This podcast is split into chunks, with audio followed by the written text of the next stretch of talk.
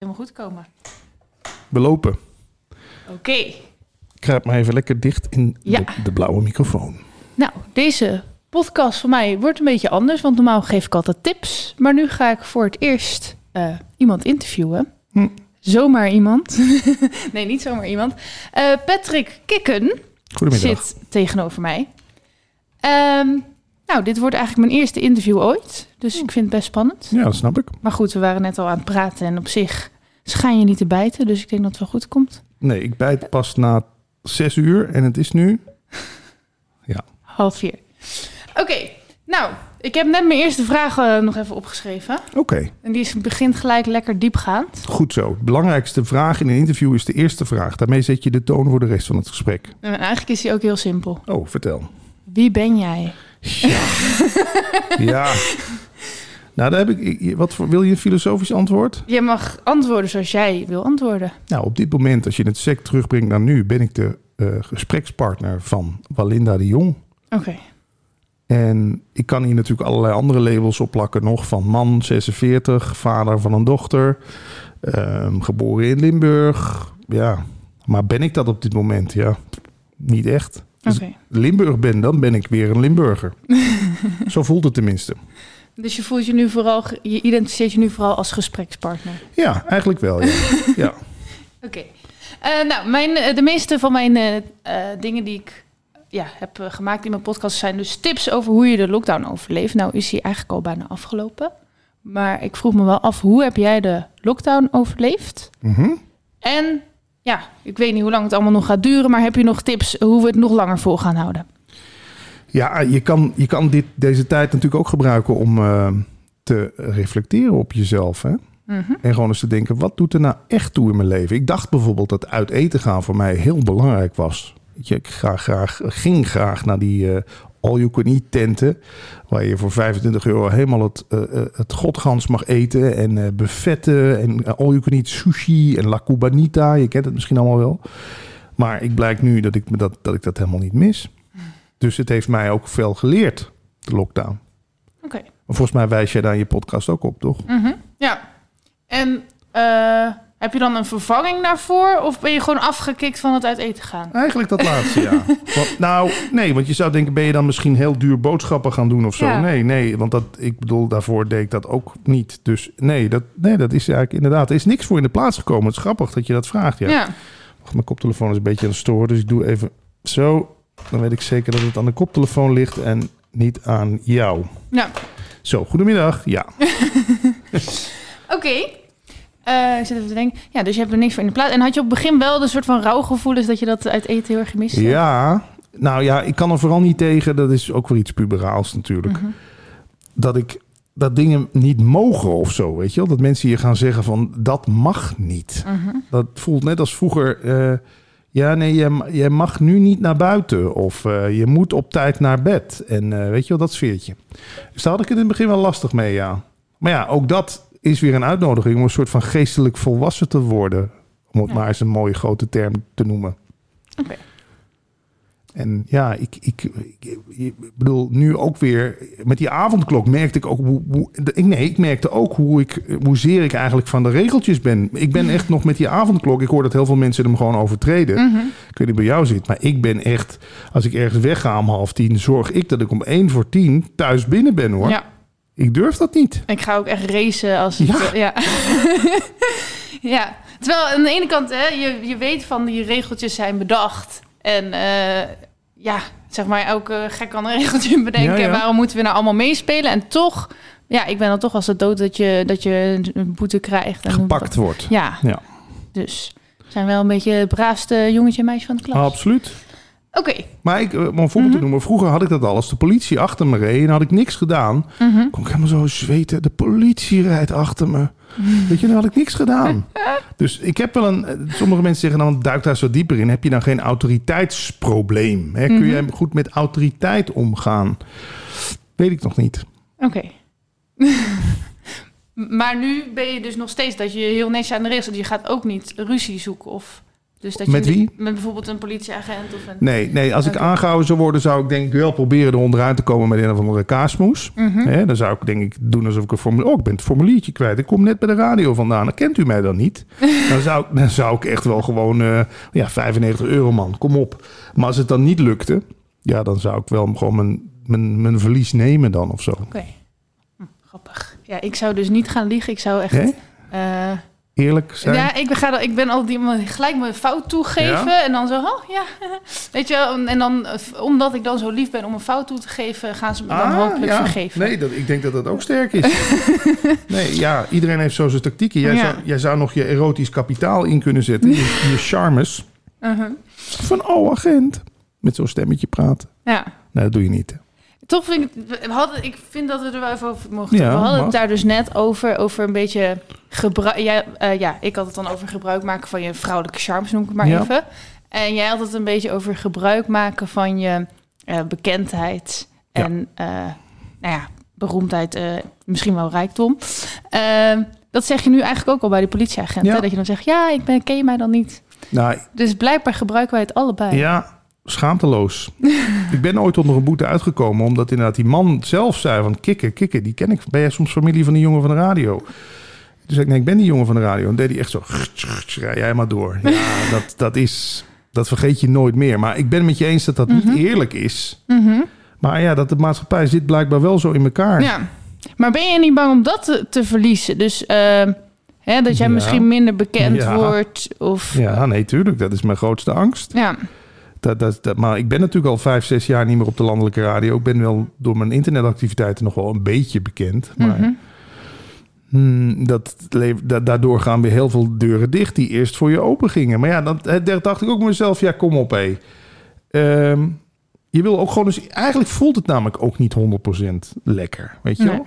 Ik heb toch liever dat jij eh, iets voor me doet uit jezelf... en niet omdat je bij mij, omdat ik er om geslijmd heb... of omdat je, ik heb erom gevraagd... of jij denkt, nou, ik moet een wit voetje halen bij die Patrick... want die zou me nog wel eens bij de, te kunnen zorgen... dat mijn muziek op de radio gedraaid wordt. Dus het heeft ook iets smerigs. ja. Ken je dat? ja, maar dat is dus ook waar we het over hadden met die vrouwelijke charmes. Ja. Van dat je denkt, ja, mensen doen het alleen om uiterlijk of alleen omdat ze iets Ja. van me willen. Ehm, maar ja, ik- oké, we gaan misschien wel heel snel de diepte Nee, in. dit is juist mooi. Maar ik denk dan dus... ehm, wa- waar wil je dan dat ze het wel voor doen? Nee. Want wie ben je dan wel echt? Hè? Want het Ja. hoort wel bij je. Ja, dat klopt. Nee, daar, daar ben ik dankzij non-dualiteit zo mooi achter Ja. gekomen. Dat het niet één versie van jou is. Dus als jij nu de knappe vrouw bent... waar iedereen zijn nek voor omdraait... als je op het terras eh, langs loopt...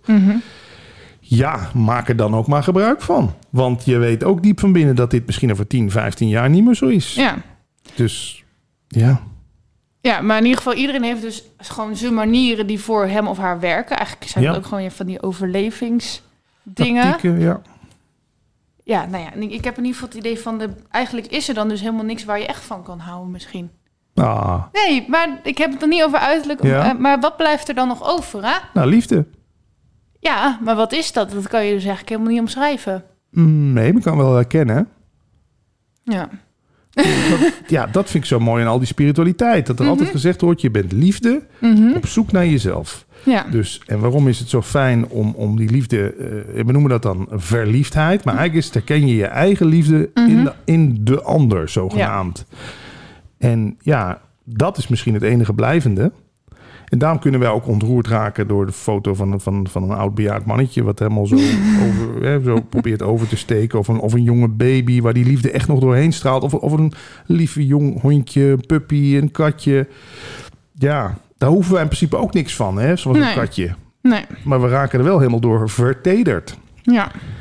En ja, dat vind ik ook het mooiste vorm van contact. Als er niet iets tegenover hoeft te staan. Als het ook niet geclaimd hoeft te worden. Dus ik herken in jouw liefde. Mhm. En dan zou ik het nu moeten claimen. Oh, dat wil ik bij me houden. Dat moet ik iedere dag herkennen. Ja, dan wordt het weer zo'n ruilhandel of zo. Ja. Alleen alles voelt heel vaak wel als ruilhandel. Ja, dat is nu een Nee, beetje nee, mijn klopt. zoektocht. Want inderdaad, met deze podcast ook weer. Ja, de afspraak. Dan kom jij bij mij in de podcast. Ja. Dan kom ik ook bij jou in de podcast. Maar uiteindelijk denk ik dat het ook een beetje... Ja, dat komt ook door de maatschappij waar we in leven. Mhm. Kapitalistische maatschappij. Voor wat hoort wat. Ik zou het liefst ook gewoon alles pro-deo doen. En ja, geen, geen verwachtingen. Maar ja, dat is, dat is lastig hoor. Ja. Ja, maar ook als je dan wel echt, echt onvoorwaardelijk geeft, zou je dan toch niet tekort hebben. Als, snap je? Ja, dat is dat stemmetje, ja. Ik vind het echt eh, ingewikkeld. Nou, dat is het ook. Ja, oké. Ehm, nou, ik heb nog meer vragen op. Oh, gaaf.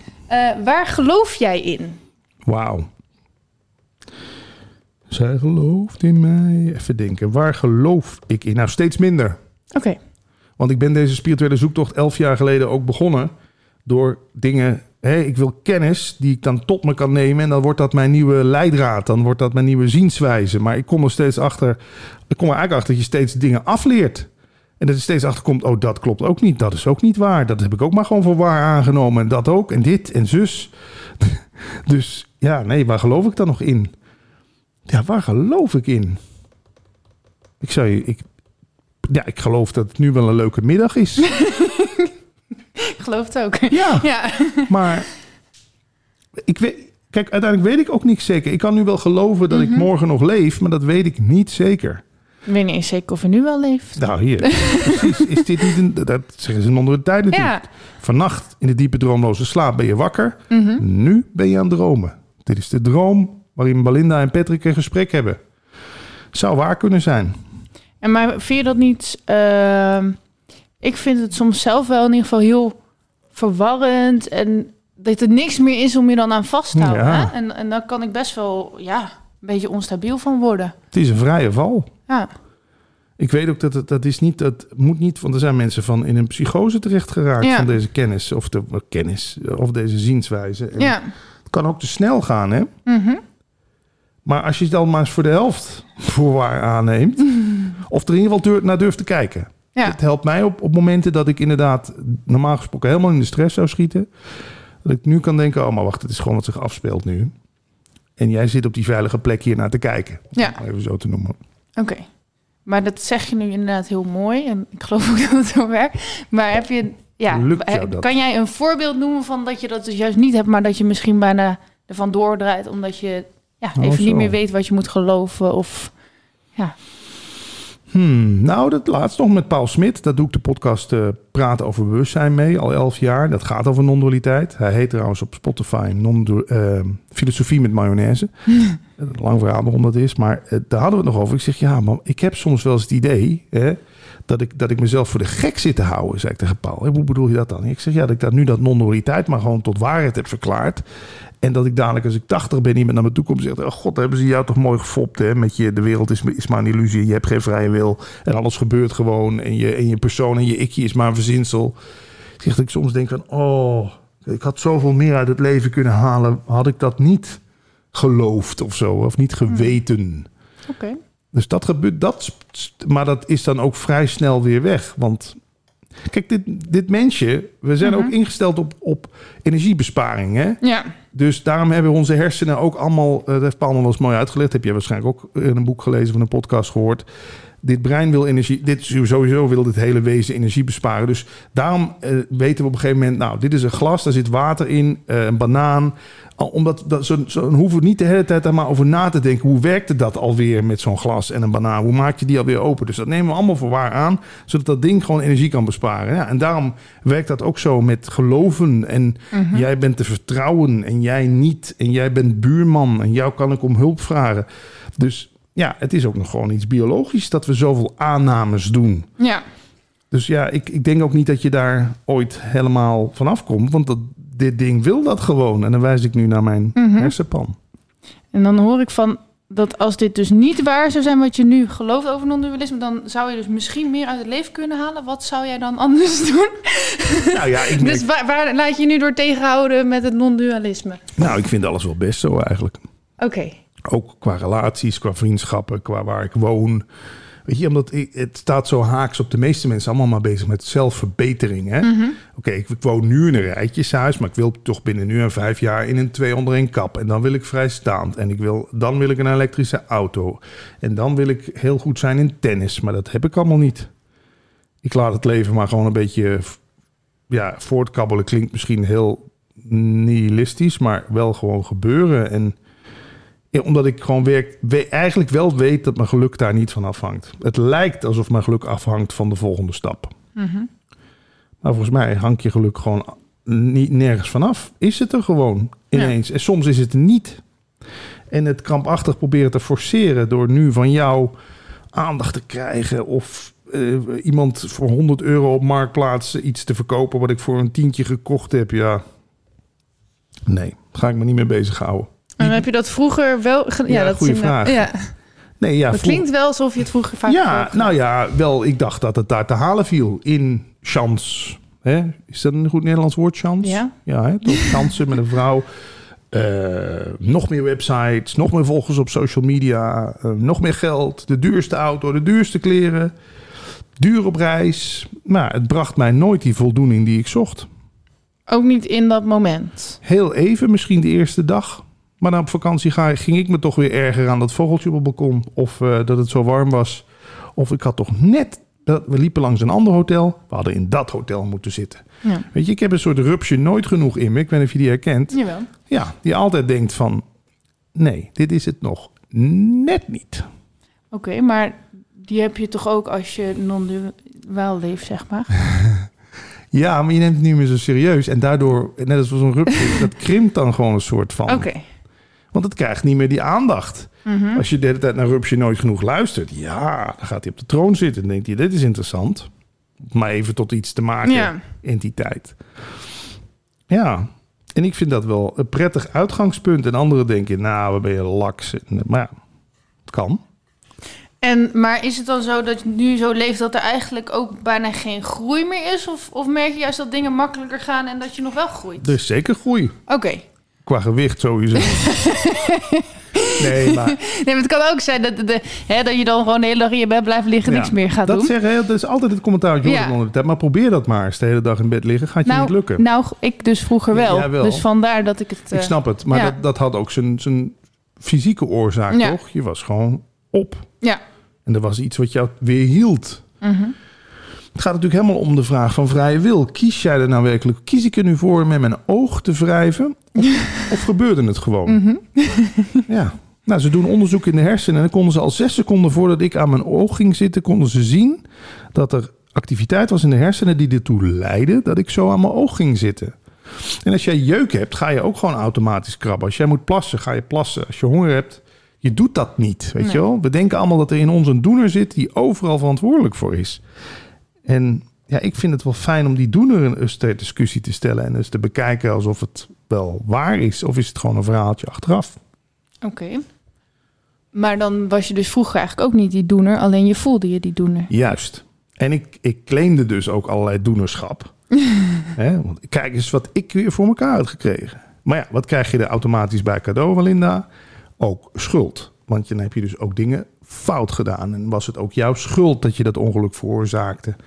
En dan was het ook jouw schuld dat je ruzie had gemaakt. Of noem alle negativiteit maar op. Ja. Dus ja, ik geef graag de claim op, op, op eh, het bereiken op om ook dat schuldgevoel gewoon eh, weg. Ja, dat bestaat dan ook niet meer. Nee. En dat is wel lekker hoor. Mhm. Want hoe vaak, we weten toch allemaal, je voelt je al zo gauw verantwoordelijk voor wat dan ook. Weet je, ik, ik zou dan nu een glas omstoten en dan zou ik meteen weer denken, oh fuck. Terwijl een kind van drie die dat doet, vinden we allemaal schattig. Hè? Die, kan, Ja. die weet niet beter. Maar vanaf een jaar of drie wordt er in jou een persoon en een doener geprojecteerd... die ineens vanaf dat moment verantwoordelijk is voor alles wat hij doet, zegt, plast, poept. Ja, triest. Oké. Ja, ik zit nu vooral te denken van hoe... Want in principe was ik hier de laatste tijd ook veel mee bezig, Ja. hè? Met eh, dingen meer vanzelf laten gaan, minder streven. Maar ja, ergens zit ook weer in mij dat ik dan toch weer meer gestreven. Gebeurt ook vanzelf. Ja, dat Ja. dus inderdaad. Maar, ehm, nou, ik doe bijvoorbeeld ook heel strikt van op deze dag ga ik eh, boodschappen doen. En op deze dag ga ik mijn eh, afspraken inplannen en zo. Dat heb ik allemaal heel strikt Ja. geregeld. Maar, ehm, ja, dat doe ik dan eigenlijk vanzelf. Dat past bij jou. Er zit blijkbaar nu in jou de behoefte ja. in, voor structuur. Dus Ja. wordt er structuur gecreëerd. Maar stel dat ik nou zou zeggen, want het geeft me wel stress dat ik daar zo mee bezig ben. Oké, zeg ja. maar. Van dat het allemaal zo gestructureerd moet zijn. Ja. Stel, ik zou dat helemaal loslaten. Dan denk ik, dan zou ik bijvoorbeeld niemand meer zien. Want dan, eh, nou, misschien gaat het nu wel een beetje vanzelf. Maar ik heb vroeger bijvoorbeeld gehad dat ik helemaal geen vrienden had, omdat ik nooit afspraken met Hmm, mensen maakte. nou. Dus zou dan, als ik dat loslaat, zou eh, ja, alles dan wel vanzelf gaan of niet? Dat vind ik zo Nee, ingewikkeld. maar even omdraaien. Je zegt nu, als ik dat loslaat, Ja. maar andersom, het laat jou los. Ja, Het laat jou los wanneer, dat, wanneer het zich uitgespeeld heeft. Waarom was ik toch naastig altijd op zoek naar, weet ik het, eh, aandacht, noem maar wat. Omdat Mhm. er in mij een behoefte zat voor aandacht. Maar op een gegeven moment hield dat op. Die behoefte voor aandacht, die doofde uit. En jij hebt nu behoefte aan structuur. Ik snap dat wel met jouw voorgeschiedenis, wat je me net uitlegt. Mhm. dat, dat je denkt, ja, maar dit ga ik maar niet laten afpakken. Of dit, dit, dit. eh. Maar ja, het- eh, alles in de wereld heeft twee kanten. In het Mhm. mooie zit het lelijke al opgesloten. Alexander Smit zei dat altijd. Hij leeft helaas niet meer. En van de beroemdste non-dualiteit leraar van Nederland. Mhm. In het, in het lelijke zit dus ook het mooie opgesloten. Dus het- ik, je kan niet, maar dat is nou juist die dualiteit van de wereld. Je, je- je- er is geen bier waar je niet na verloop van tijd dik en dronken van wordt. nee. Van seks kun je zwanger raken, kun je SOA's krijgen. eh, van te veel eten word je dik. En dus alles heeft die kant in zich. Ja.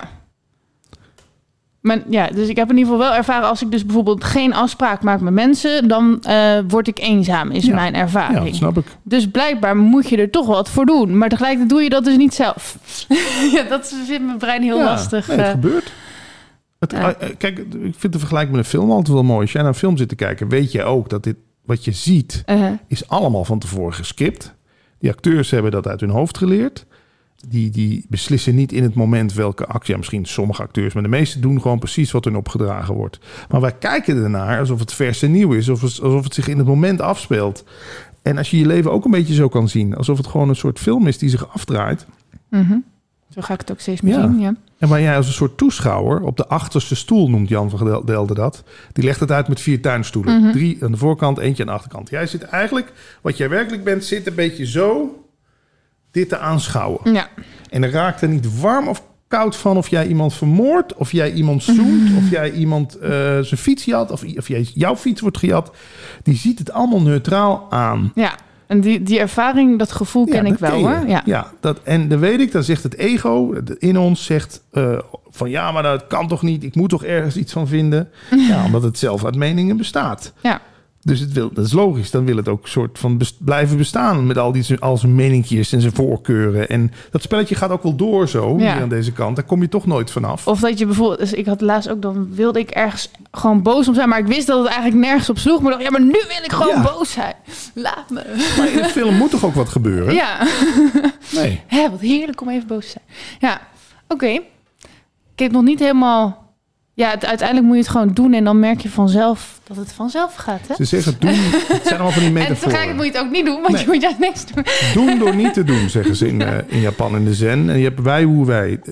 Doen door niet te doen. Ja, het is... Uiteindelijk lijkt het alsof, alsof ik nu zo ga zitten. Het lijkt alsof ik deze woorden kies. Maar op de een of andere manier, als je heel eerlijk bent... krijg je het ook gewoon cadeau. Ik Ja. weet niet waar deze woorden vandaan komen. Nee. Jij weet niet waarom je ineens verdrietig bent. Ja, na lang puzzelen kan je er misschien wel achter komen, maar...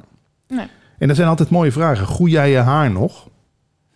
En dan kijkt iemand, ja, groei ik mijn haar nog? Nee, dat gaat vanzelf. Oké, klop jij je hart nog? Hé, wat stelt hij voor een rare vraag? Groei jij je nagels nog? En op een gegeven moment ga je dus zien dat het, dit gaat al bijna vol automatisch. Als Ja. jij een wondje krijgt, herstelt dat vanzelf. Ja, Ja. misschien smeer jij dan in het verhaal er zal, zalf op. Maar in principe herstelt dit allemaal vanzelf. Er wordt vanzelf verteerd, er wordt vanzelf hard geklopt.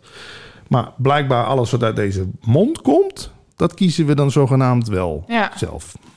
dat eh, vind ik inderdaad ook altijd een interessante wat jij hebt verteld. Of het ook heb geleerd van anderen natuurlijk.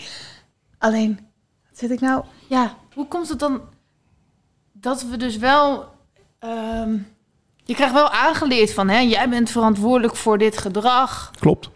jij doet dit en dit en dit fout.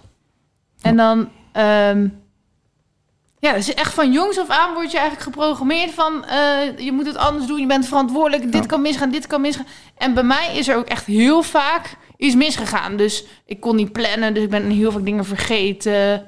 Of dat, zeg maar. Nou, Ehm, maar zou het dan misgaan zodra je de controle over probeert te pakken? Of, zou, of dan zeggen dat misging is al een aanname. ja, ja, Want dat heeft je toch maar mooi tot hier gebracht. eens. Ik vind jou gewoon een unieke verschijning zoals je bent. Alleen als je eh, gaat vergelijken met inderdaad iemand anders van 29 die misschien wel al samen woont, weet ik veel. Maar dat heb je Mhm. ook al gedaan. eh, die iemand die kinderen heeft, weet ik veel waar je het mee kan vergelijken. Kijk, weet je wat ik zo verpand vind? Weet, Mhm. ik, ik was de hele tijd aan het klagen. Ik, hè? Want dat Ja. ikje bij mij gaat ook door. Ja. Was de hele tijd aan het klagen over lawaai bij de buren hier. Mhm. Vind je nou niet verpand? Op het moment dat wij gingen opnemen, is het muisstil. Ja. Ja, ik krijg van dat soort dingen gewoon kippenvel. Blijkbaar is dat dan toch divine timing. Dat op het moment dat wij beginnen met opnemen, boem, geen geluidje meer. Heb, hebben wij daar nou voor gezorgd? Nee, want we zijn niet aan de buren toe gegaan. We hebben hooguit wat, wat dingetjes dicht gedaan voor wat minder overlast. Maar ik vind als je daarop gaat letten, de magie van het leven, die gewoon alles, reg- alles wordt geregeld voor je. Alles. Je krijgt alles cadeau, alles wordt geregeld.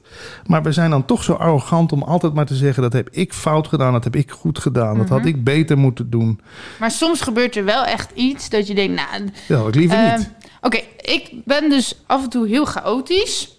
Eh, en ik had eh, eigenlijk mijn rijbewijs al drie keer moeten verlengen. Of tenminste, ik heb al drie keer een afspraak gemaakt. Ja, Eerste keer was ik mijn rijbewijs zelf kwijt. oké. Tweede keer was ik mijn paspoort te vergeten. Ja. Derde keer was ik de afspraak vergeten om daar naartoe te gaan. Dan denk ik Dan van, word je nou, boos op jezelf. eh, nou, dat zijn wel... Het is maar een, een klein dingetje, maar het zijn wel dingen die ik heel vaak heb, zeg maar. Ja.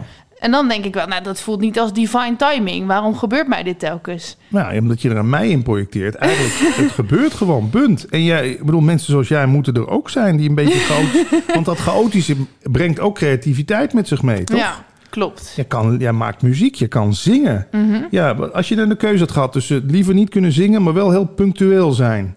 Ja, ten eerste heb je daar de keuze niet in. Nee. Jan van Helden zegt altijd, je bent gewoon voor een aantal dingen in het leven aangevinkt. Nou, bij jou staat dus niet punctualiteit. Daar staat Nee. geen vinkje. Nou ja, maar wel creatief. Maar je bent wel de hele dag je spullen aan het zoeken en eh, dat is gewoon niet waar ik mee bezig wil nee, zijn. maar het is toch wel weer grappig.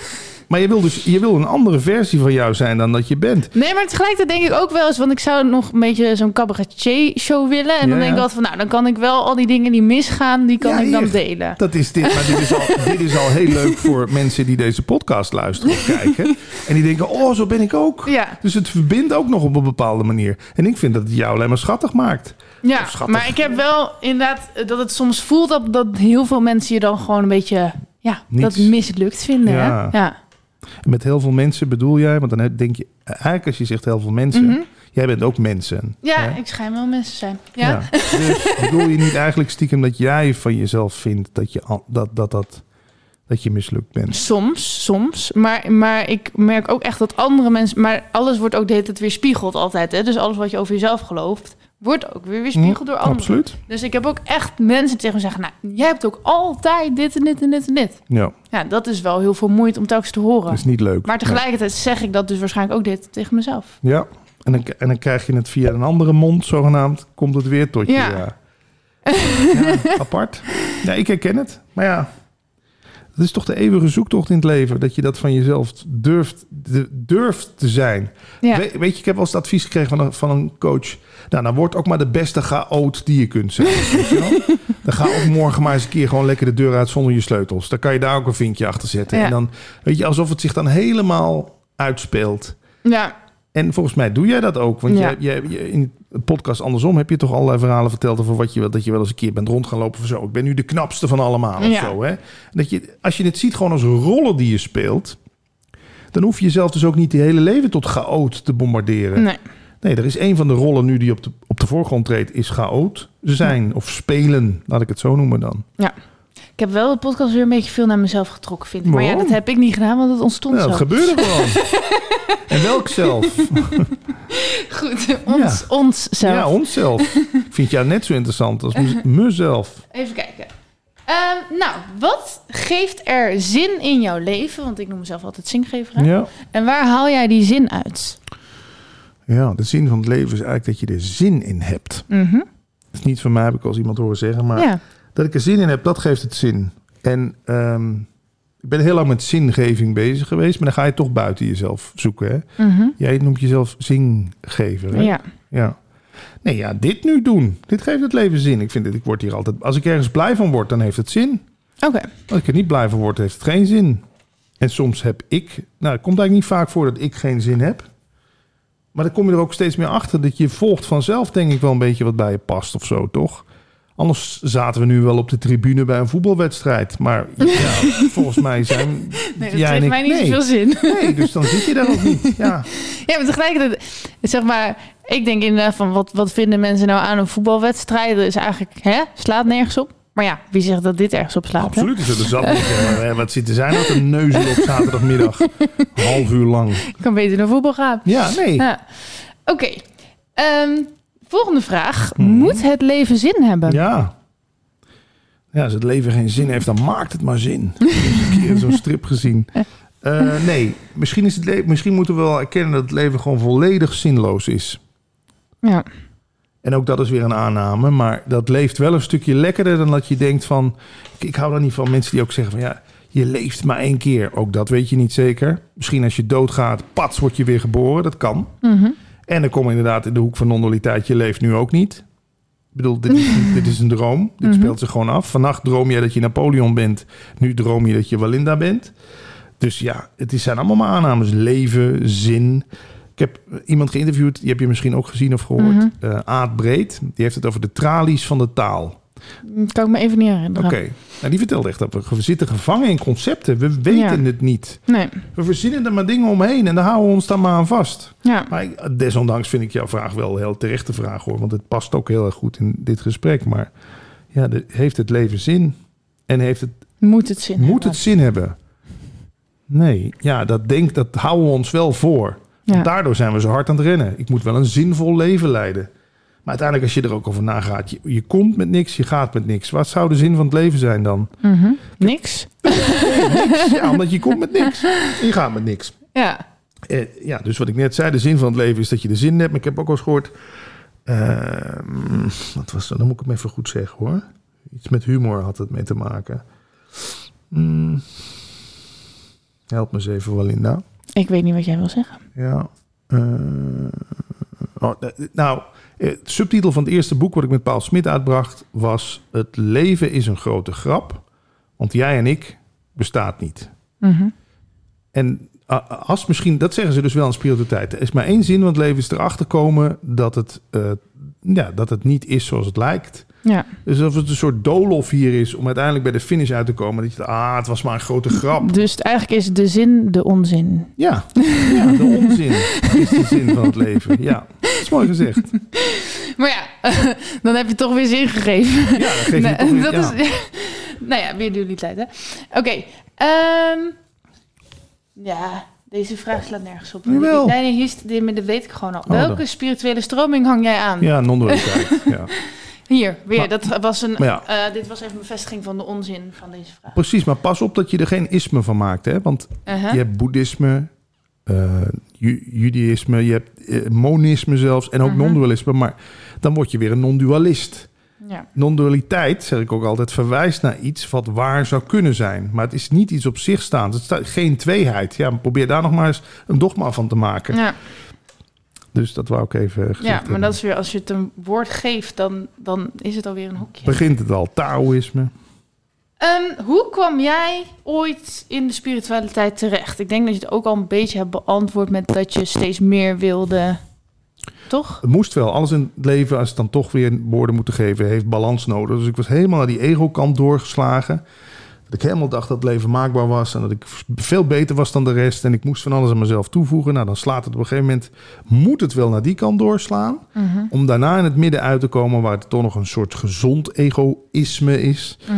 En, en, en een beetje gezonde vorm van spiritualiteit. Ik ben mezelf ook bijna... Je kan jezelf ook in die spiritualiteit verliezen. Dat zul je misschien ook herkennen. Want dan Mhm. ontdek je iets en denk je... Wow, dit is het helemaal. Ja, het komt bij mij door een gebroken hart. Liefdesrelatie. En dan wil je die pijn niet voelen. En dan ga je maar op zoek naar een soort medicijn. Ja, Ja, 2004. Het is nu 17 jaar terug al, hè? Gadverdamme. en ben je er al overheen? Ik kan er nu weer een Nou, ik hoor wel een beetje, als ik jou nu Ja? hoor en ook in an- al die andere podcasts, dan vind jij het dus heel erg fijn dat, je, dat het allemaal maar een droom is en dat je niet bestaat, zeg maar. En dan denk ik, al, je Ja. moet wel heel veel pijn hebben dat jij niet Oh, wilt bestaan. Zo, ja? Denk je Dat, dat wel ja, dat, dat is dan mijn oordeel waar die ik eh, bij Is dit je- beter? Ik ben nu het lampje aan het... eh, Ik weet het. Sorry, ja, je het stelt gaat allemaal vanzelf, dus... eh, Je stelt een pijnlijke vraag. Afleiding. Nee, ik, natuurlijk denk ik dat soms wel eens. Maar nee, het is niet. Is het pijn ontvluchten? Het zou kunnen.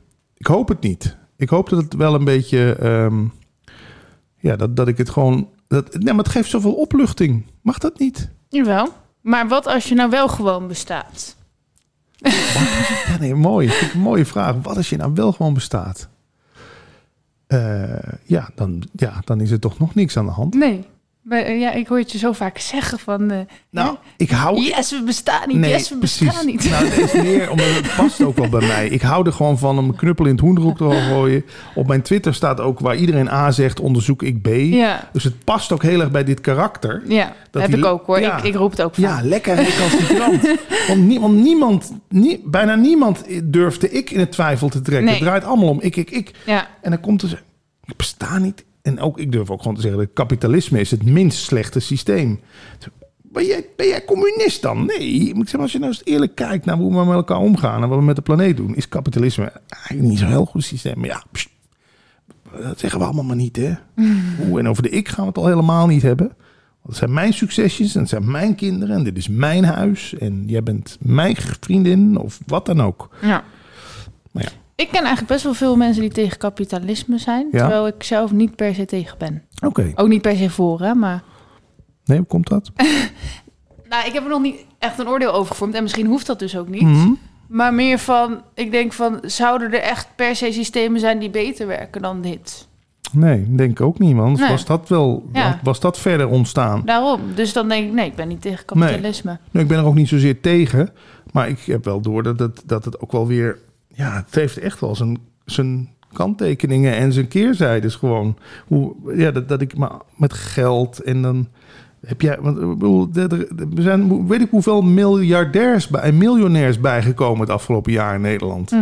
En aan de andere kant komen er dus ook steeds meer arm, komt er steeds meer armoede. Ja. Dat houdt elkaar ook een soort van in balans. Dus dat, ja, het zou eigenlijk eerlijker zijn als dat gewoon in het midden ergens voor allebei gold. Ja.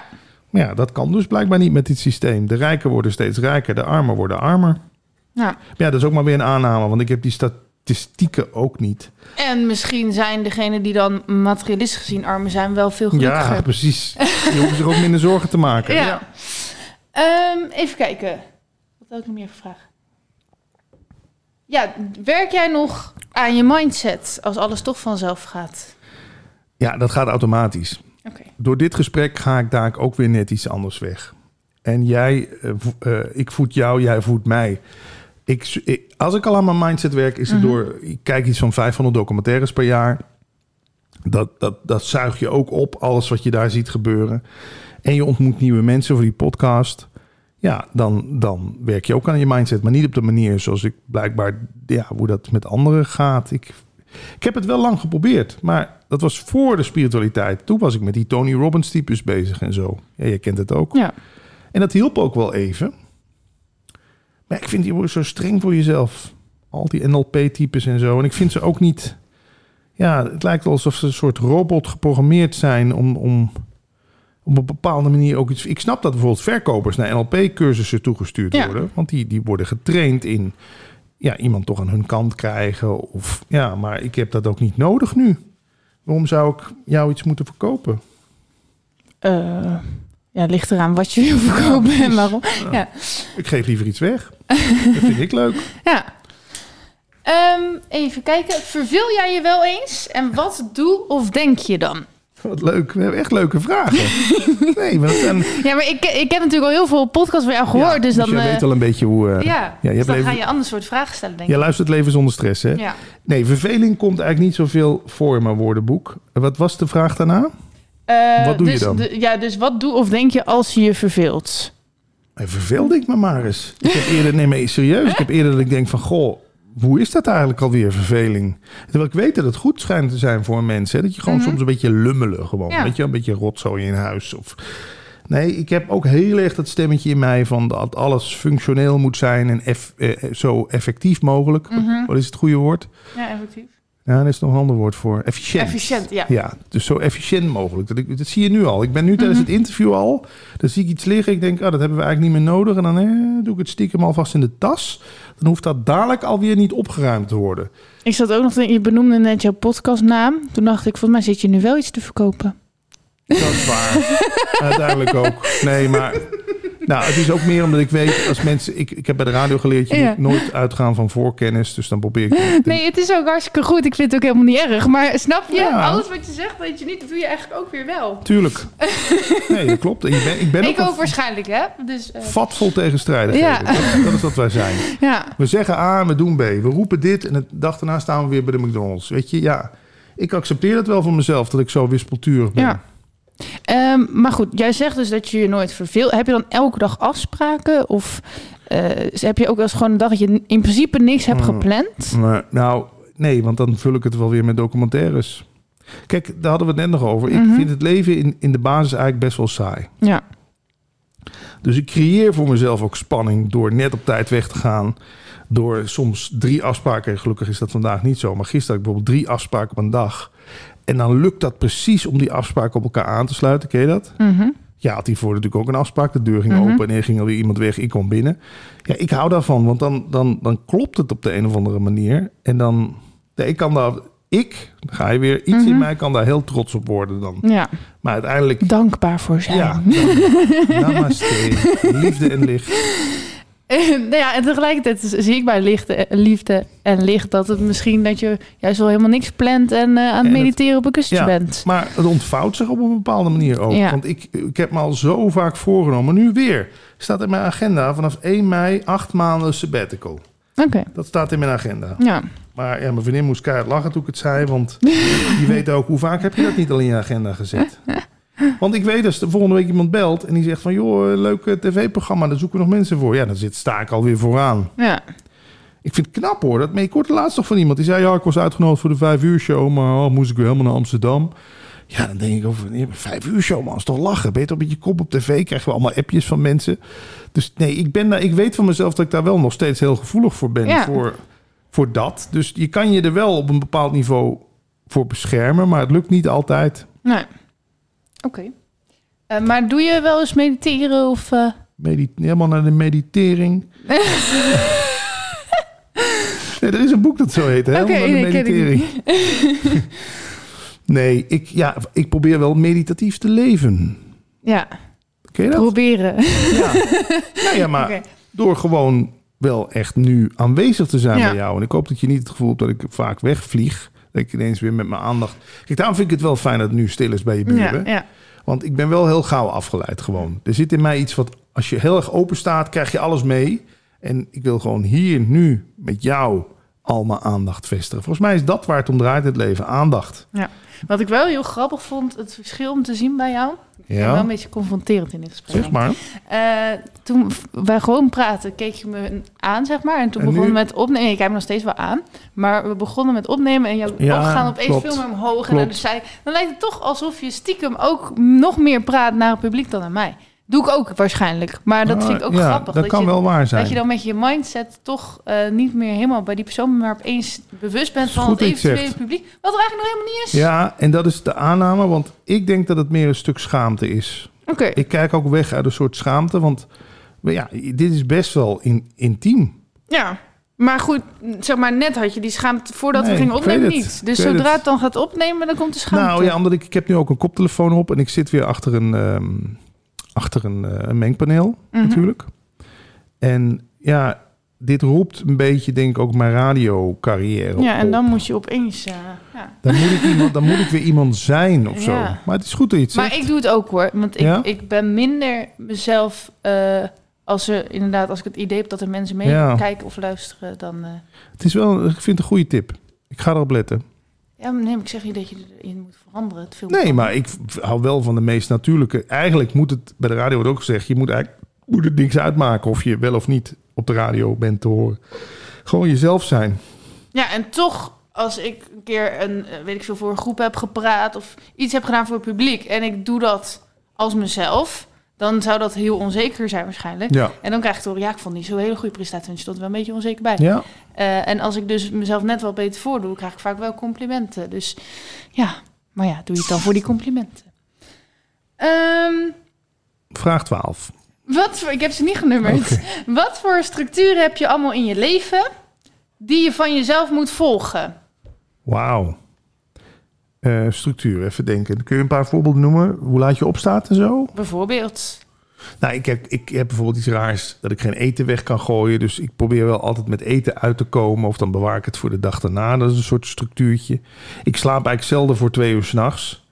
Ik ben echt een nachtvogel. Dus is- ik ben ook ja, ik ben soms om half tien wakker. Maar soms ook om tien uur, soms om half elf. Dat ik voor negen uur wakker ben, dat is lang geleden. Dat is een soort structuur. Wat heb je nog meer voor een structuur in het leven?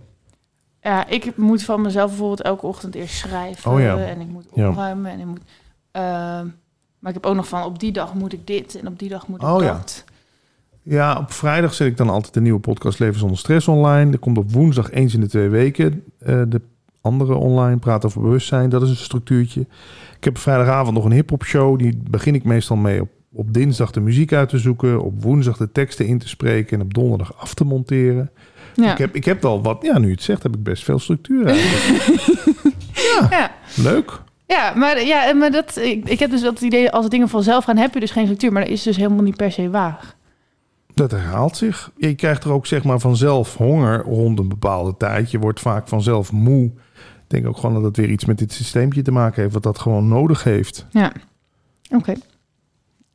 Ehm, hoe unlock jij jezelf? Ah, zo heet deze podcast, hè? Unlock Yourself. Ja. ja, dat is een goeie. Dus dan ga je ervan uit dat je op slot zit, hè? Of, Blijkbaar. je mag de vraag interpreteren zoals jij hem Ja. wil interpreteren. nou, het thema vrijheid komt bij me op. Mhm. En ik heb natuurlijk ook heel lang vrijheid gezocht in de wereld.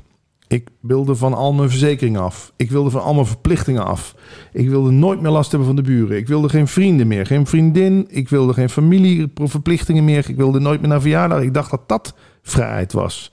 Maar dan kwam ik erachter dat levert alleen maar meer stress op. Want ja, die echte vrijheid moet, moet je eigenlijk meenemen. Je moet je eigenlijk op een feestje zo vrij kunnen voelen als thuis. Mhm. En dan, dan kom, maar dat is, daar is durf voor nodig. Want dan moet je dus ook gewoon durven. Als je op een gegeven moment na een uur denkt... het is me hier te druk en te rumoer... dan moet je gewoon durven zeggen... ik ben vrij om op te staan en weg te gaan. Ja. En je bent vrij om uit een relatie te gaan. En je bent, want je denkt wel, die relatie beperkt mij. Nee, je beperkt jezelf door te denken dat je er niet uit kan Ja. gaan. Dus als ik me nu in dit gesprek gevangen zou voelen... Mhm. Dan gewoon zeggen... Walinda, ik vind het wel genoeg geweest bijvoorbeeld. Ja. Het is nog niet het geval. Maar dan, maar dan hebben we dingen als conditionering, schaamte. Dat kan je toch niet maken. En zij bepaalt toch hoe lang die podcast duurt. Of, of je kan toch niet maar een uurtje naar een verjaardag toe gaan. En je kan toch niet als eerste komen en als eerste weggaan. Weet je, allemaal die rare constructies. Mhm. Ik heb me ook altijd heel erg onveilig gevoeld in... ehm, het heeft voor mij met onveiligheid te maken. Ja. In, in de file. En ik dacht, hoe komt dat nou eigenlijk? Nou, omdat ik denk dat ik geen kant op kan. Ja. Maar het is feitelijk ook onzin. Je kan altijd een kant op. Je kan gewoon je auto aan de kant van de weg zetten, uitstappen en weglopen. Ja. Ja, Zowat ik, ik voelde me altijd gewoon in de klas bijvoorbeeld vroeger alsof ik me niet kon bewegen. Of zo. Eh, gewoon, ik had zoveel spanning altijd dat er mensen waren die op mij letten. Dat ik gewoon helemaal vast zat in mijn licht. En dan waren er kinderen die zaten gewoon onderuit gezakt of hangerig. Of die waren gewoon rond aan het rennen. En ik zat echt zo, hé, hoe kunnen die mensen zich zo vrij voelen? Want ik voel me zo... Ja.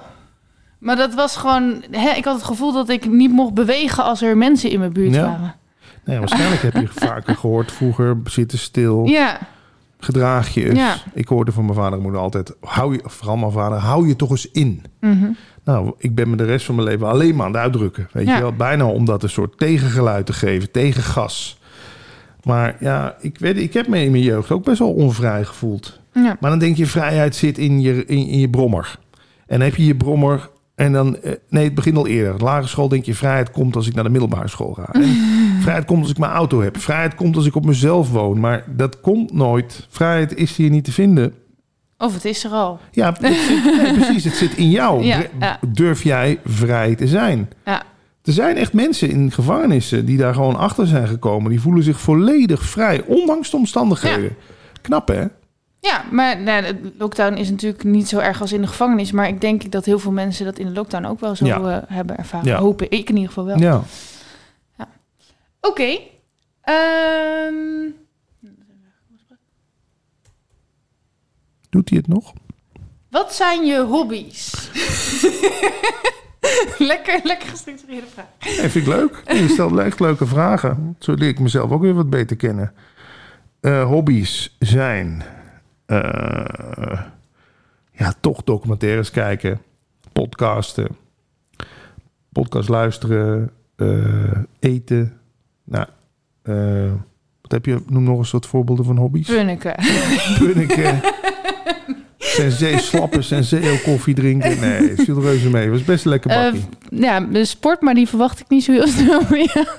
Wandelen vind ik op zich wel leuk. Ik vind praten ook leuk. Ja. Mensen ontmoeten is wel een grote hobby. Ja, een beetje rommelen met kabeltjes.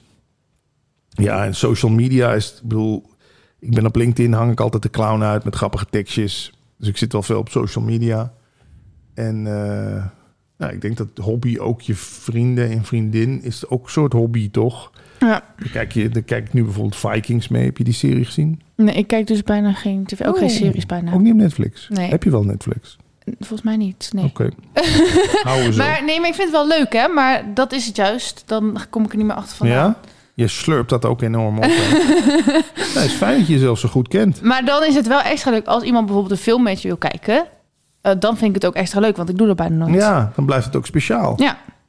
Nee, dus nee, ja, ik zou willen dat sport een hobby van me is, maar ik kan er gewoon niet toe. Ik snap gewoon niet dat je dan beweegt en je komt geen meter verder of zo. ik snap wel dat we- als jij nu tegen me zou zeggen, zullen we een rondje gaan lopen, want ik moet even iets afgeven daar. Dan denk ik, ja, dat heeft een functie. Mhm. En dan vind ik het ook leuk om er nog een, weet ik, een rondje aan vast te plakken of zo. Maar sec gaan bewegen zonder dat het een doel heeft. Ja, nee, de dingen moeten bij mij wel, dat is bij mij nou ook aangevinkt, functioneel zijn, een doel hebben. ja. Dus we moeten toch nog zin hebben. Ja, toch, je probeert er een soort betekenis aan te geven. Ja. En ehm, heb je dan ook nog... Koopjes jagen is ook een hobby. Oh ja, dat, dat had ik ook een Ja, keer van jou action. gehoord. Ja. Ja. We mogen weer binnenkort, hè? maar goed. Ja. Heb je dan nu nog ambities van dingen die je graag wil bereiken? Want je lijkt toch wel doelgericht. Ambities. Mm, Nou, ik vind het wel leuk als Leven zonder Stress de podcast weer verder groeit. Als, dan zie je hem weer naar nummer 50 stijgen. Dan ben ik, dat maakt me wel een beetje trots. Dus ik zou, eh, als er al ambitie is, is om te proberen die podcast nog wat verder zichtbaar te krijgen. En eh, misschien nog een paar gasten die op mijn verlanglijstje staan. Een Deepak Chopra zou natuurlijk te gek zijn.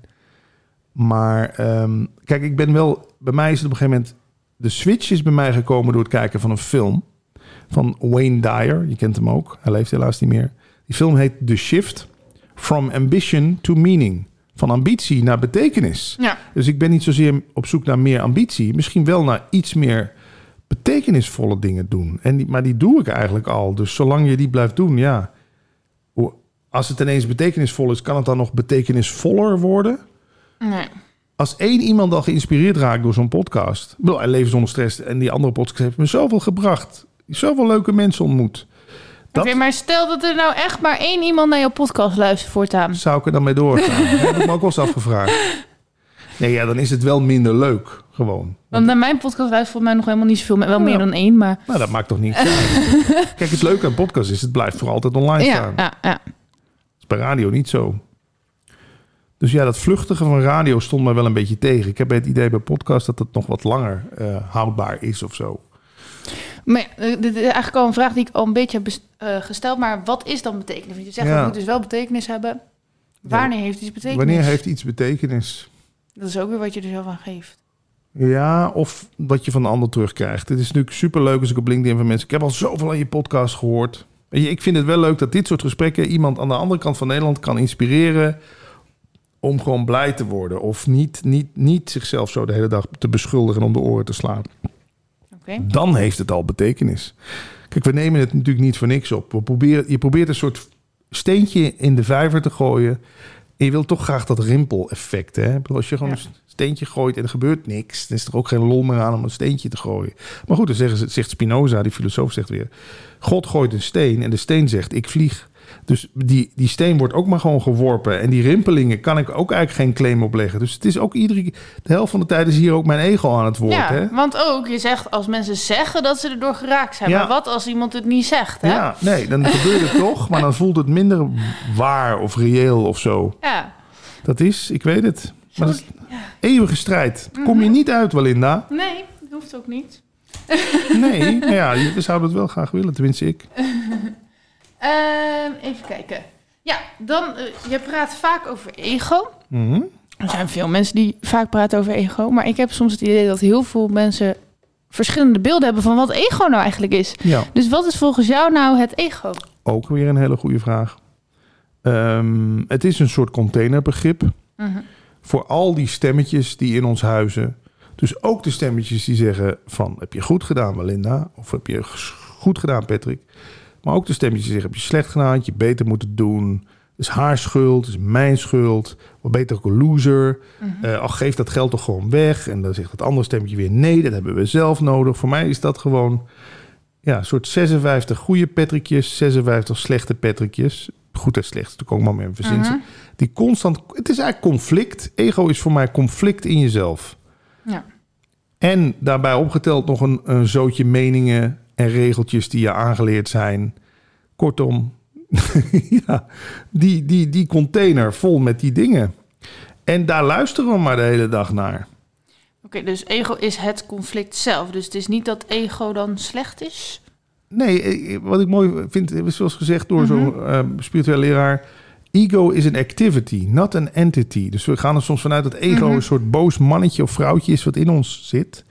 Maar het is een activiteit waar we zelf energie in stoppen. Als ik naar die stemmetjes ga luisteren, dan zeg je ja, ik zit in mijn ego. Ja, Ja. dan maak je er weer iets concreets van. Nee, Ja. het is eigenlijk gewoon een activiteit van het brein. Wat, wat ooit waarschijnlijk goed bedoeld is. Want dan we moesten ook opletten voor die tijger. Ja. Je moest ook leren, die tijger kan jou opeten. Mhm. Pas op voor die tijger. Nou, dat is ook een soort van bescherming. Dus het is eigenlijk een uit de hand gelopen beschermingsmechanisme. Zo zou je het ook kunnen noemen. En omdat er niet meer echte gevaren zijn in onze maatschappij... gaan we maar inderdaad de hele tijd aftasten. Oeh, ik ben jaloers op hem. En oeh, ik ben bang voor hem of haar. En ja, dat krijgen we er toch denk ik niet uitgesloopt. Maar het gekke Nee. is, ze hebben wel eens gezocht naar het ego-gebied in de hersenen. Ze hebben het nog niet kunnen vinden. Dus het is ook niet echt iets dat je zegt van... Goh, daar zit het ego. Het is natuurlijk ook een spirituele term die helemaal uit de hand gelopen is eigenlijk. Maar we herkennen wel wanneer iemand een egoïst is. Dat vind ik altijd het mooie.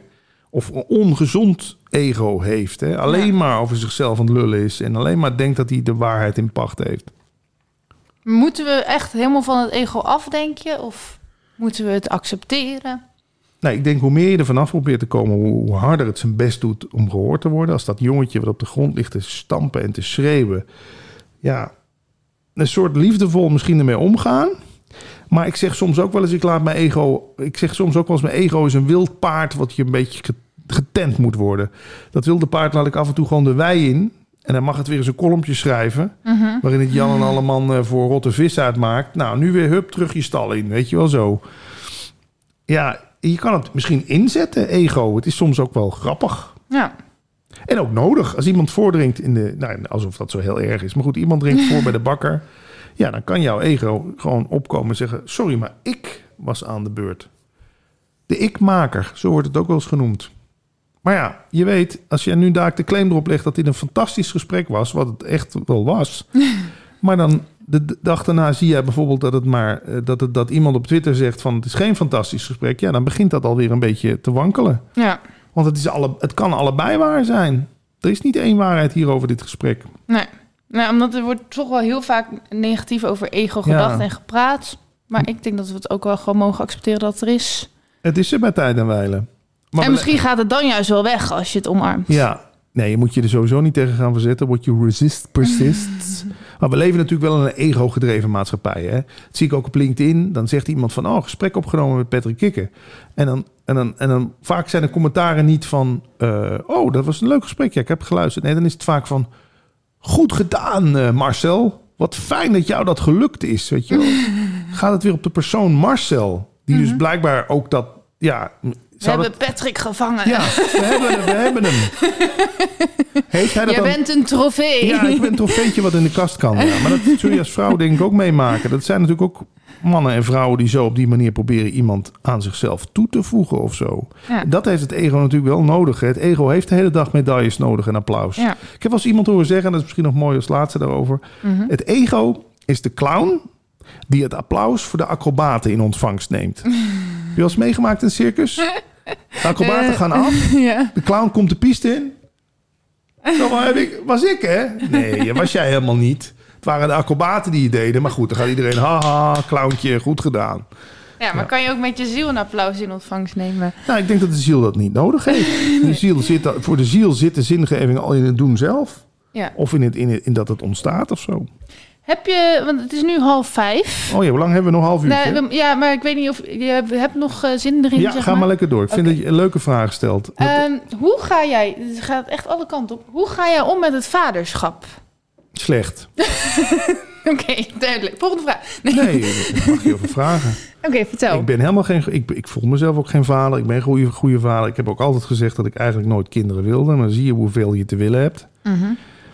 Ehm, maar ik, ik, ik kan wel voor haar. Ik deel wel dingen met haar, maar ik speel niet de vader. Ze zegt tegen mij ook gewoon Patrick. En ze noemt haar stiefvader, noemt ze papa.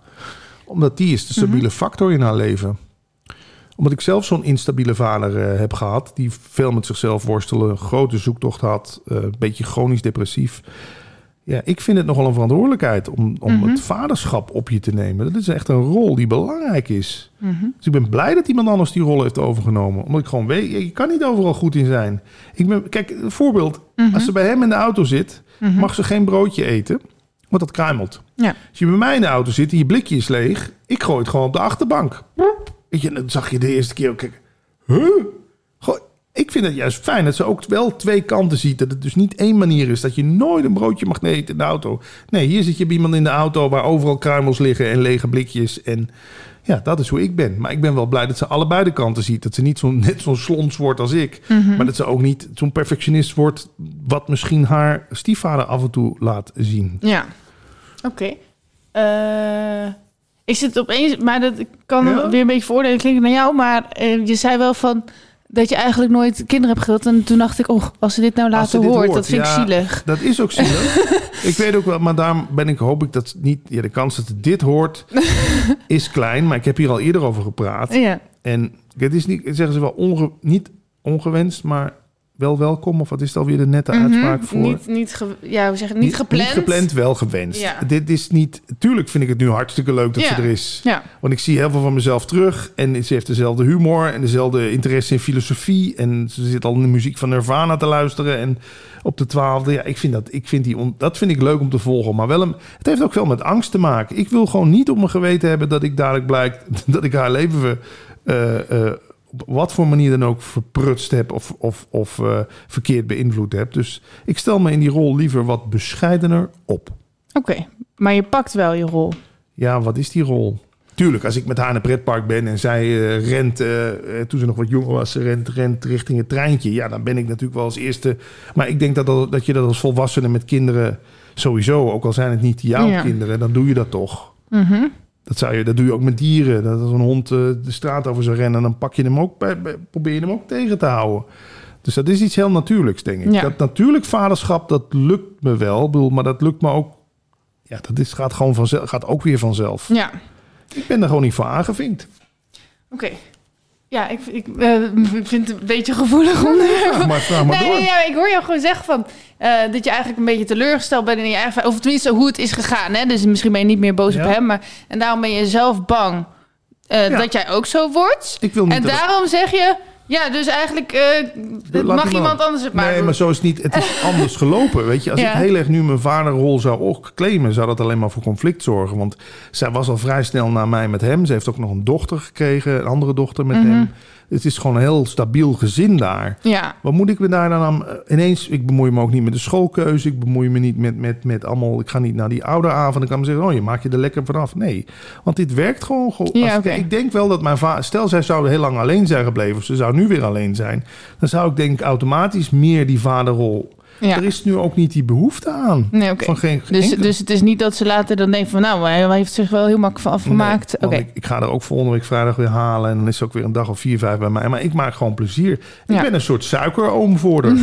nou, die mag ze toch ook hebben in de leven? Zeker. En, en doet het je dan geen pijn dat iemand anders die rol dan Ja. voor jou heeft gepakt? Ja, dat is ook een goede vraag. Tuurlijk is het niet leuk, dat, soms niet leuk dat ze mij gewoon Patrick noemt en hem papa. Maar dan denk ik ook, ja, maar hij is wel degene toen ze drie, vier jaar oud was... die, die haar naar bed bracht en, en een verhaaltje voorlas en kust. Dus hij verdient ook papa genoemd te worden. En het zou mijn ego zijn. Zeggen, ja, maar ik ben de echte papa. nou, ik hoop dat zij nooit hem... dat Ben ik, dat zou ik nog erg vinden als ze hem Hm. zou gaan zeggen... op een gegeven moment in een ruzie. Je bent helemaal niet mijn echte papa. Of zoiets wat je als Ja. puber kan doen. Nou, ik vind het wel mooi dat je het zo kan zien. Ja, Ja. Nee, maar zo kijk ik. En, en ja, Want mijn, vader en moeder noemt ze wel gewoon opa en oma. Maar die nemen ook echt die opa en oma rol op zich. Mhm. Ik hoef dat, ja, dat hoef ik ook niet te doen. Nee. Oké, nee, het klonk eerst alsof je een beetje vluchtte, maar als ik Ja. het al zo hoor, denk ik, nee, je hebt gewoon de situatie geaccepteerd zoals die is. Hoop ik Ja, geval. en ik wilde niet dat het nog een generatie doorging. Want Nee. ik zie ook wel dat mijn vader weer is zoals hij is. Omdat hij weer een vader had die altijd hoofdschuddend naar hem aan het kijken was als hij weer wat aan het doen was. Nou, hoe onzeker heeft dat hem gemaakt? En dat ging weer een generatie verder. En soms is het ook goed, vind ik, om gewoon bepaalde generationele dingen door te knippen. Ja. Oké. Ehm, je, hebt het, je, ja, je had het over kapitalisme, dat vind je soms wel lastig. Ehm, maar hoe ga jij nou om met geld dan? Ja, het blijft een eeuwige strijd. Want ik heb het eigenlijk te veel. Dan zeggen mensen, ja, geef mij dan maar. Nee, want dat geeft mij ook wel weer veiligheid. Dat ik weet dat ook al zou ik nooit meer een euro verdienen... dan zou ik echt nog wel een jaartje of tien gewoon voort kunnen. Ik v- maak ook niet zoveel op. Nee, ik vind kapitalisme wel... ik vind het een beetje een leugenachtig systeem. Systeem, want ja... Het heeft toch... Als jij nou hoort dat iemand die laptop aan jou verkocht heeft... voor 1000 euro... Ja. maar hij heeft hem een uur geleden ergens anders voor 500 euro gekocht. Zeggen mensen, nou, dat is goed ondernemerschap. Dan zeg ik, nee, dat is geen goed ondernemerschap. Het is de boel bedonderen. Ze had, die jongen had gewoon tegen jou kunnen zeggen, koop hem daar, daar kost hij 500 euro. Kijk, dat hij misschien 50 of 100 euro erop verdient, zwa. Hij is hem voor jou gaan halen, hij heeft hem voor jou geïnstalleerd, maar toch niet het dubbele zeg. Dan denk ik echt, ja, en, dan- maar dan zijn echt mensen die zeggen, die staan te applaudisseren. Fantastisch. Je hebt gewoon voor 500 euro verdiend in een, in een uur tijd. Nee, je hebt haar voor 500 euro opgelicht. Zo zie ik dat. Maar wanneer, ja, is Wanneer het wordt het oplichting? Dat, ja, dat vind ik ook. eh, Ja, wanneer is het oplichting? Nou ja, ik vind daar zou een gezonde maatstaf voor moeten zijn. Jij mag van mij best wat verdienen, maar al die dropshippers, natuurlijk kennen dropshipping, hè? Die gewoon voor, voor, voor 50 cent een sieraad uit uit China naar jou laten versturen. Jij betaalt hun 12,50.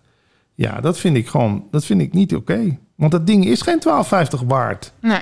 Als het het waard is, als jij nou echt iets voor mij doet, wat ook niet in geld uit te drukken is bijna, en, ik, en jij vraagt daar 500 euro voor, ja, dan is het mij dat waard. Maar Maar ja, als geld, ze zeggen van geld is een illusie. Dan, verzinsel, ja. nou, dan maakt het toch ook niet uit hoeveel je ergens Ja, dan doe je ook niemand pijn als je te veel vraagt. is helemaal waar. Tenzij iemand echt helemaal uithongt, dan vind ik het wel zielig. Maar Geld en tijd zijn de favoriete speeltjes van het ego, wordt wel eens gezegd. En Ja. dat geloof ik ook wel in. Ik heb op, op geld nog wel issues.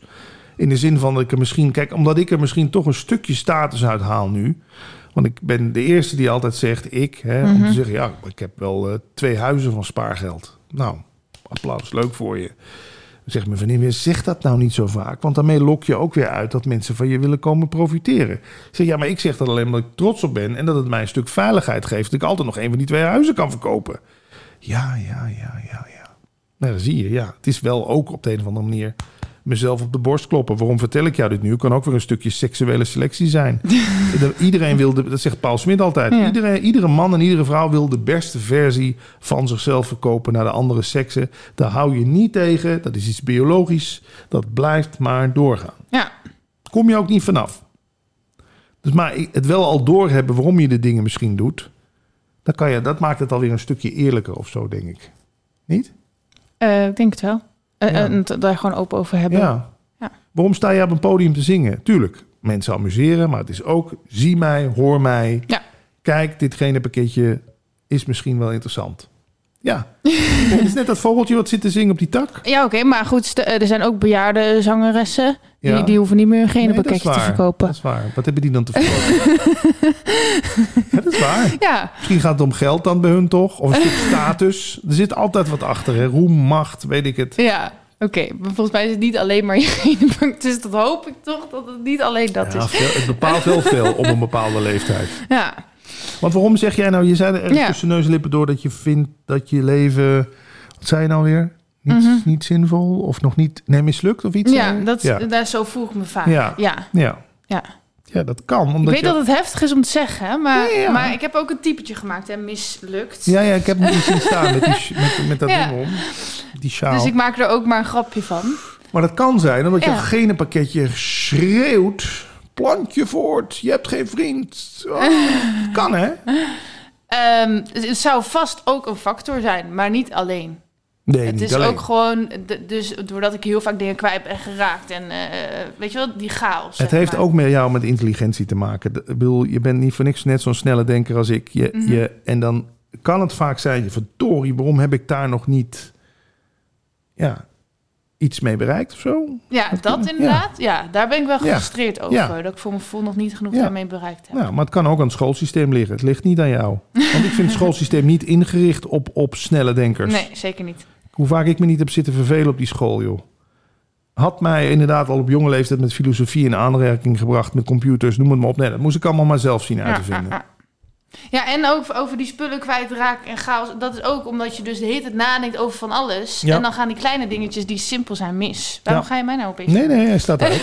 Oh, ik doe er even een nieuw kaartje in. Ik heb, ik heb zo eigenlijk nog maar één Oh, eindvraag. nou, ik zet hem even voor de zekerheid aan. Misschien komt namelijk nu de vraag ter vragen.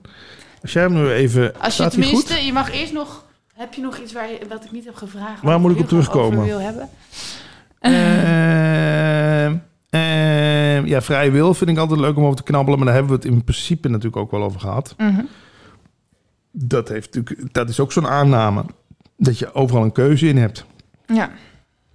Heb ik er nu keuze in gehad dat het kaartje vol was? Nee. Ja, kan je zeggen, ja, je had van tevoren toch kunnen nadenken dat je maar een uur met dat kaartje kon op. Ja. Maar ik ga niet meer alles op mezelf betrekken. Daar ben ik klaar mee. ja.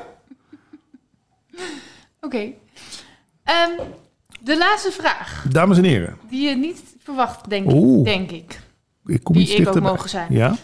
ja. Wat zou je doen Met? als je zeker wist dat je de laatste persoon op aarde was? Nou, het licht uit, denk ik. ja, dat ging... ja. Het is leuk geweest hier. Jij wil niet alleen achterblijven? Nee, nee, dat, nee, dat is wel iets. Ken, je die film I Am Legend? Dan is toch, gaat Will Smith als zijn eentje na een nucleaire ramp of zo... gaat hij als zijn eentje overal rondlopen... Oké. om te kijken of er nog anderen zijn. Nee, ja, dan noem je wel een doemscenario. Oké, maar je weet nu echt zeker, jij bent de enige die over Oké. is. Mag ik daar ook iets filosofisch op zeggen? Ja, Misschien ben ik nu ook wel de enige Ja. die er is. weet ik.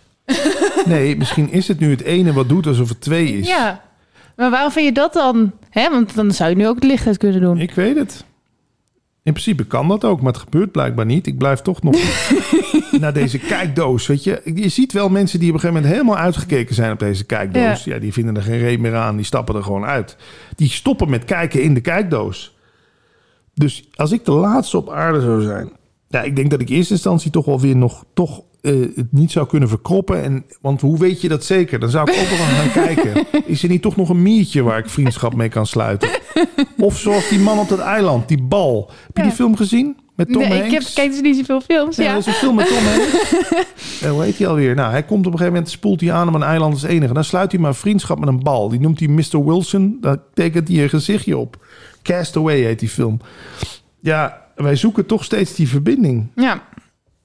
Maar het grappige is dus dat stel dat wij inderdaad echt allemaal één zijn, wat Mhm. jij dit hebt beweerd, ik ook hè, maar dan, dan ben je dus ook de enige en blijkbaar ben je jezelf nog niet zat. Dat is het. Je, je blijft maar naar die ander kijken om, om jezelf beter te ontdekken. Waarom nemen wij dit soort gesprekken op? Dat doe je. Dat is eigenlijk ook best een, toch een egoïstische daad. Want je wil Ja. jezelf beter leren kennen door de ander heen. Ja. Je wil jezelf lief hebben door de ander heen. Ja. Ja. Maar ja, dan kom je op een gegeven moment erachter, ja. Misschien is, het, is er wel geen ander. Nee.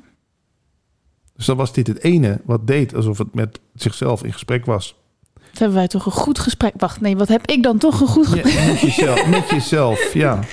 Ja. En dan ga je- toch weer met je ego jezelf bedanken. Ja, maar ik mag jou best een compliment geven. Dat hoeft allemaal niet te stoppen. Kijk, uiteindelijk geniet ik daar net zo goed van. Dat- Nou, gelukkig. ja, Oké, nou, ik denk dat het mooi was. dat denk ik ook. Bedankt, Doei. Walinda. Jij ook. Ga op stop drukken.